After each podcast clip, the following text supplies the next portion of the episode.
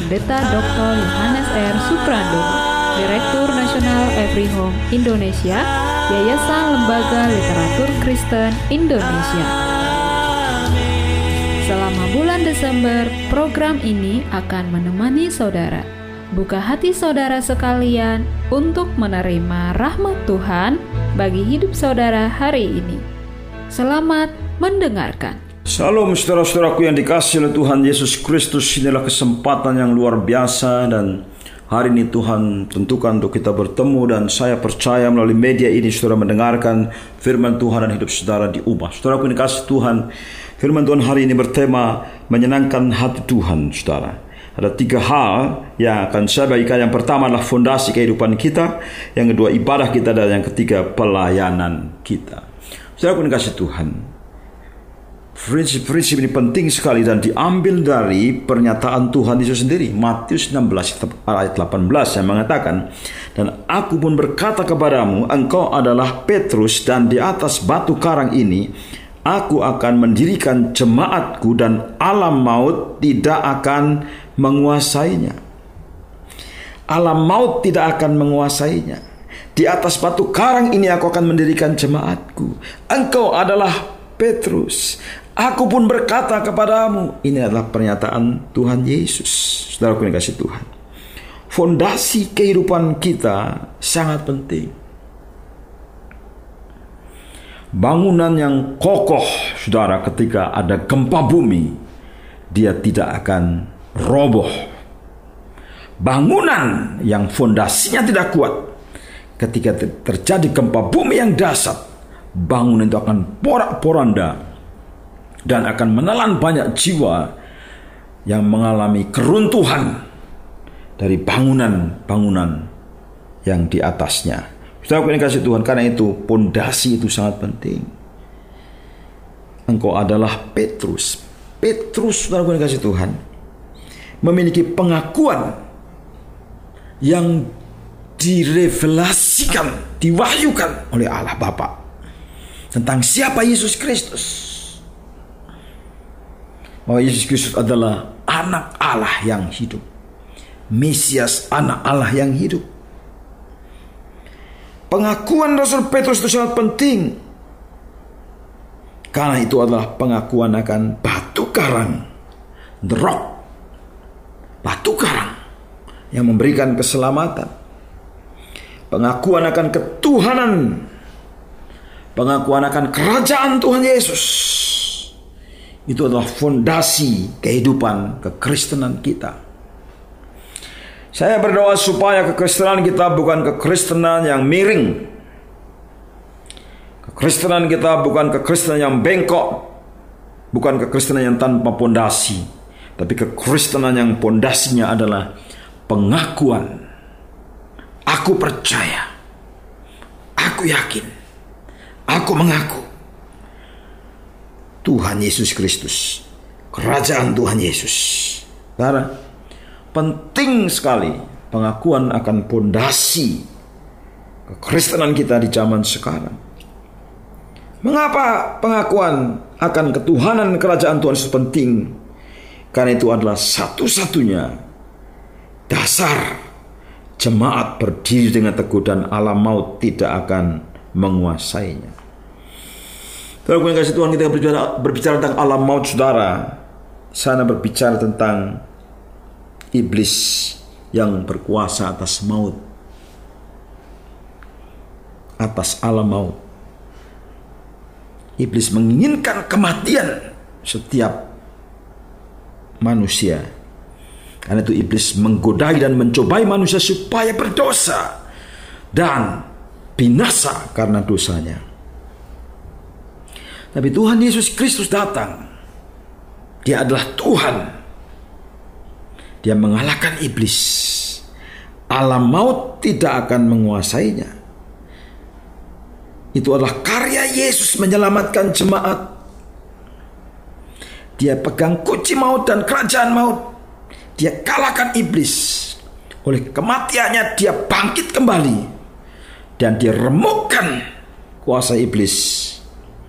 Dan memberikan jaminan kepastian keselamatan kepada jemaat Tuhan Yesus Kristus.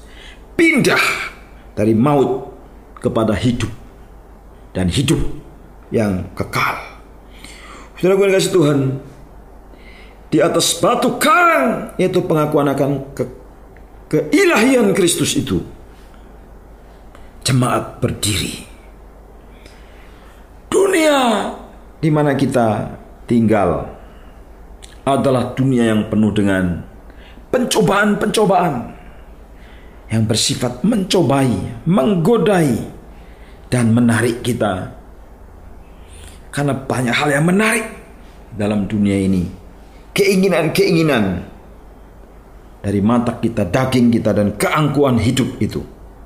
Menarik kita. Supaya kita tidak mengikuti kehendak Allah.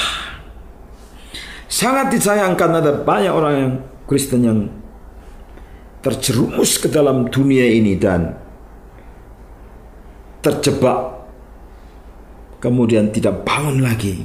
Hari ini kalau saudara mendengarkan firman Tuhan, berserulah kepada nama Yesus dan declare bahwa dalam nama Yesus telah mengalahkan dunia dan saudara akan berkemenangan. Walaupun dosamu merah seperti kirmisi, merah seperti kain kesumba akan menjadi putih seperti salju, putih seperti bulu domba. Kalau saudara berperkara kepada Tuhan, saudara datang kepada Tuhan. Jika kita mengaku dosa kita, Allah adalah setia dan adil yang akan mencucikan hidup kita, hati kita. Sehingga kita bersekutu dengan Tuhan kembali. Saudara kasih Tuhan. Saya tidak tahu apa yang membuat saudara goncang hari-hari ini.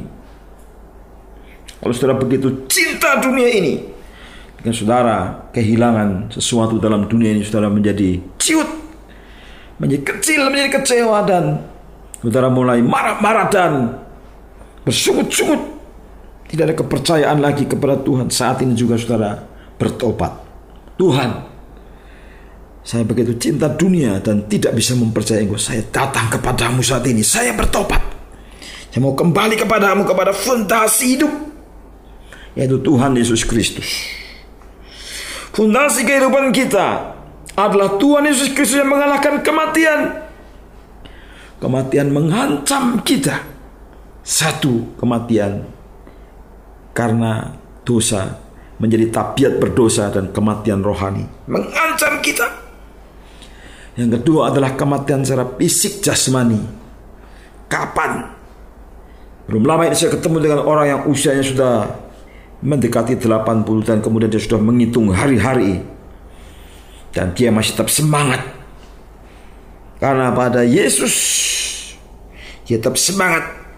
Dan dia mau tetap memberitakan Injil sampai akhir hidupnya. Karena ada Yesus.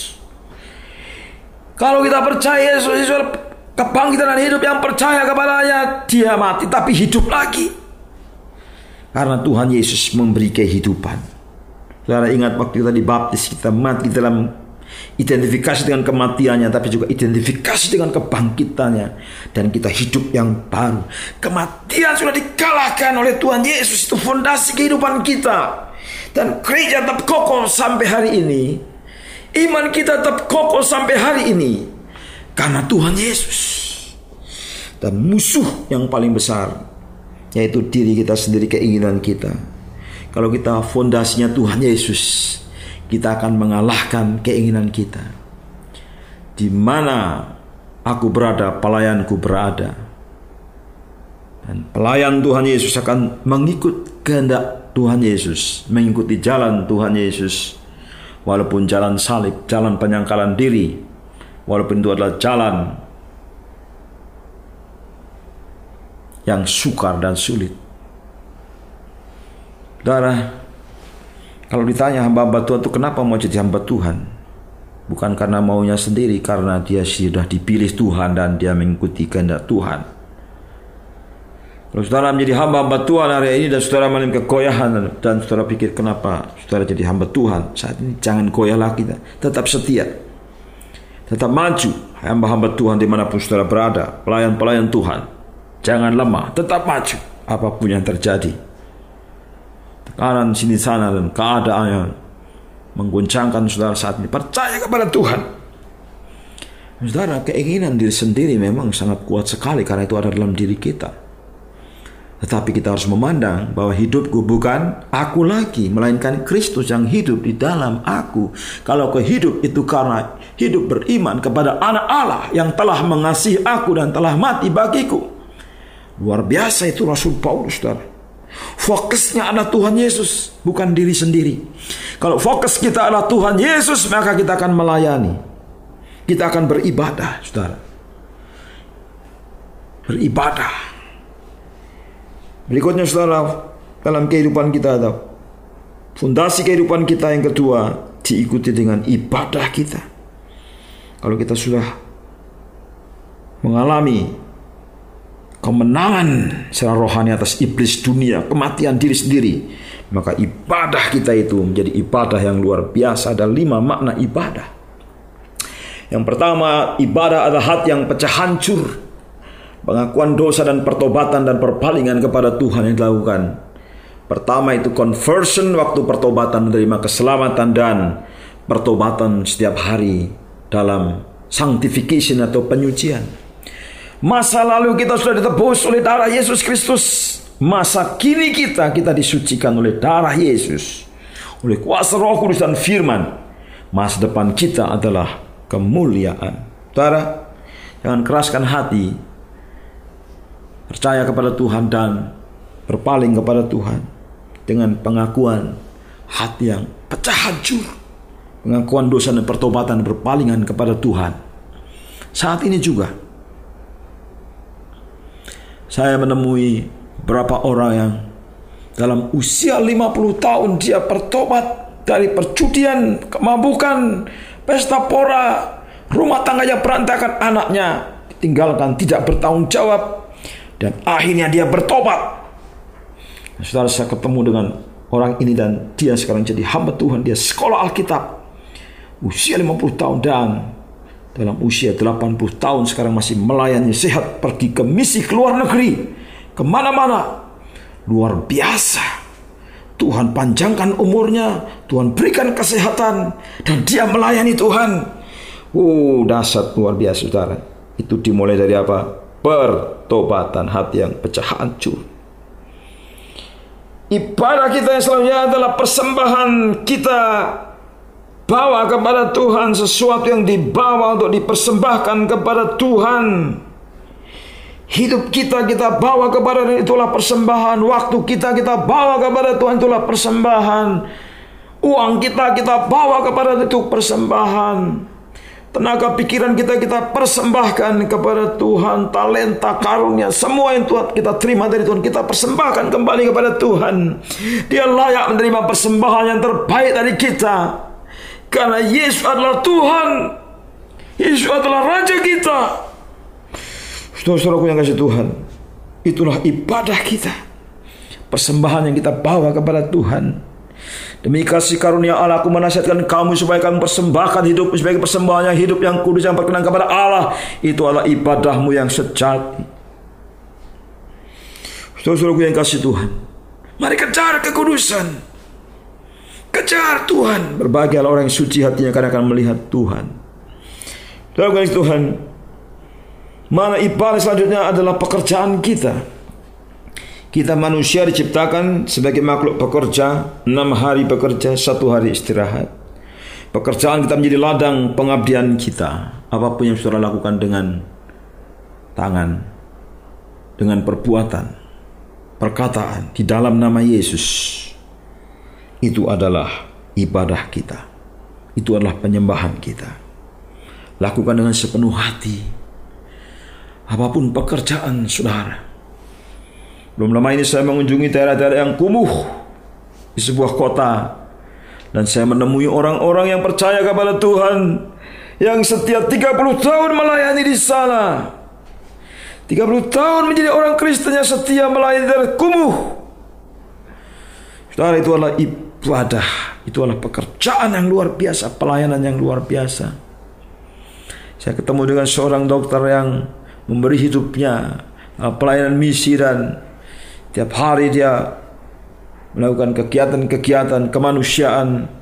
Ke mana pun Tuhan panggil sampai ke luar negeri sampai ke daerah-daerah bencana dan daerah-daerah peperangan yang sangat berbahaya. Orang-orang seperti ini memberikan pengabdiannya melalui keahlian skill yang dia miliki sebagai seorang dokter kita pun kasih Tuhan ibadah kita adalah pelayanan kita pekerjaan kita memberikan kepada kita upah dan kesejahteraan dan uang yang meningkat dan karier yang bagus. Tetapi pelayanan kita dilakukan dengan sukarela. Pekerjaan yang dasari oleh kasih untuk memenuhi kebutuhan orang-orang di sekitar kita. Itulah pelayanan. Yang berikutnya adalah pelayanan kita. Fondasi kehidupan kita, ibadah kita dan terakhir pelayanan kita. Di mana pun saudara menjadi anggota gereja, gereja setempat, komunitas, persekutuan, kumpulan orang-orang percaya. Saya mau bertanya kepada saudara apakah bagian yang bisa saudara lakukan di gereja setempat, gereja lokal. Saya mendorong saudara menjadi anggota yang bertanggung jawab. Ya, seorang yang mau melayani dan berkorban. Seorang yang mau melayani dan menjadi berkat. Itulah kehidupan kita. Teman saya seorang pengusaha. Dia memberikan waktunya bekerja dengan sungguh-sungguh. Dia pergi ke luar negeri dan menghasilkan keuangannya bagus dan dia memberi persembahan untuk misi di luar negeri. Dia kasih persembahan untuk banyak orang di banyak negara dan itu luar biasa. Dia bertanggung jawab untuk misi bukan hanya dalam negeri dalam gereja lokal tapi bahkan misi sampai luar negeri. Saudara aku kasih Tuhan, misi keluar gereja, misi lokal, misi nasional, misi global. Tanggung jawab kita, itulah pelayanan kita. Dan mari kita mengenal misi di Indonesia dan kebutuhannya. Apakah itu misi? Itu adalah hati Bapa, itu adalah hati Yesus, itu adalah hati Roh Kudus, Roh misi. Motif misi adalah belas kasih terhadap jiwa-jiwa yang terhilang, jiwa-jiwa yang tersesat. Karena begitu besar kasih Allah Bapa mengaruniakan Tuhan kita Yesus Kristus jadi juru selamat. Darah dan Roh Kudus bekerja dalam hati orang yang percaya, menggerakkan hati orang yang percaya untuk terlibat dalam misi. Indonesia adalah bangsa yang dikasih oleh Tuhan. Ribuan puluh dengan penduduknya, ribuan ratusan suku, ribuan bahasa, membutuhkan doa saudara, membutuhkan keterlibatan saudara dalam misi supaya saudara pergi kepada orang. Setiap orang, semua orang tidak boleh ada yang terlewatkan sampai desa-desa yang terakhir. Saya punya teman seorang penginjil yang dia pergi memberitakan kabar baik dan dia mengunjungi desa-desa dan dia menembus hutan belantara dan menjumpai desa yang paling terakhir di puncak gunung itu. Dan dia memberitakan Injil. Dan puji Tuhan dia membaptiskan puluhan jiwa dan sekarang lahirlah gereja di situ. Sesuatu yang luar biasa karena ada orang yang mau pergi untuk misi Mari kita berkelompok saudara dalam komsel, dalam kelompok-kelompok komunitas-komunitas. Berikan persembahan untuk misi.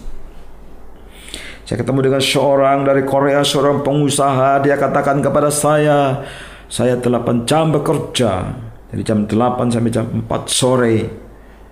Saya bekerja supaya bisa menghidupi istri anak-anak saya dan kemudian saya bekerja di ladangnya Tuhan. Ini saya mengumpulkan orang-orang di rumah saya.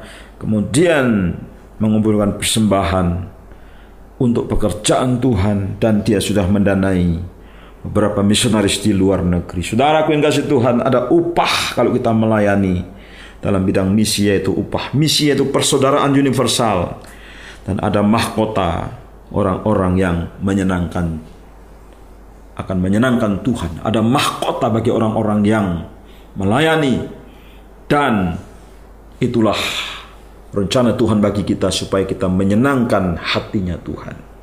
Pertanyaan saya maukah saudara menjadi orang-orang yang menyenangkan hatinya Tuhan? Pondasi kita harus benar. Ibadah kita, pelayanan kita didasarkan atas pondasi yang benar itu, yaitu Tuhan Yesus Kristus. Saya berdoa jelang Natal ini, saudara sungguh-sungguh diberkati dan dilindungi Saudara sungguh-sungguh dijamah hatinya oleh Tuhan Yesus Kristus. Tuhan adalah terang yang menyinari hidupmu. Dan engkau sungguh-sungguh terang dan menjadi terang. Dan memancarkan terang. Dan Tuhan menghadapkan wajahnya kepadamu memberi engkau damai sejahtera. Diberkatilah kehidupanmu, kehidupan rumah tangga, kehidupan pekerjaan, kehidupan pelayanan, kehidupan keuangan. Dan kehidupanmu sungguh-sungguh Diberkati Tuhan. Tuhanlah gembala yang baik. Engkau tidak akan berkekurangan. Tuhanlah gembala yang baik. Dia memberikan hidup dan hidup yang berkelimpahan. Tuhan Yesus memberkati saudara. Haleluya. Amin.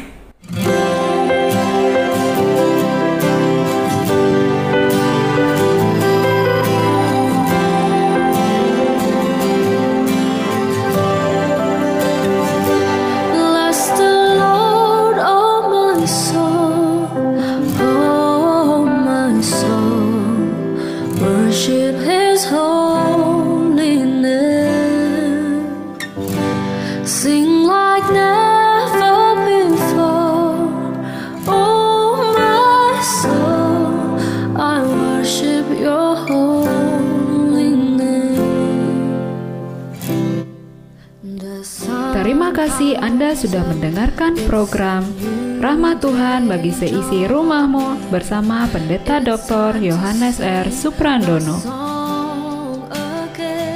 Jika Anda membutuhkan bacaan rohani dan dukungan doa, saudara dapat menghubungi kami di nomor 0877 8801 0003 atau kunjungi platform digital kami di www.everyhomeindonesia.com dan at everyhomeindonesia.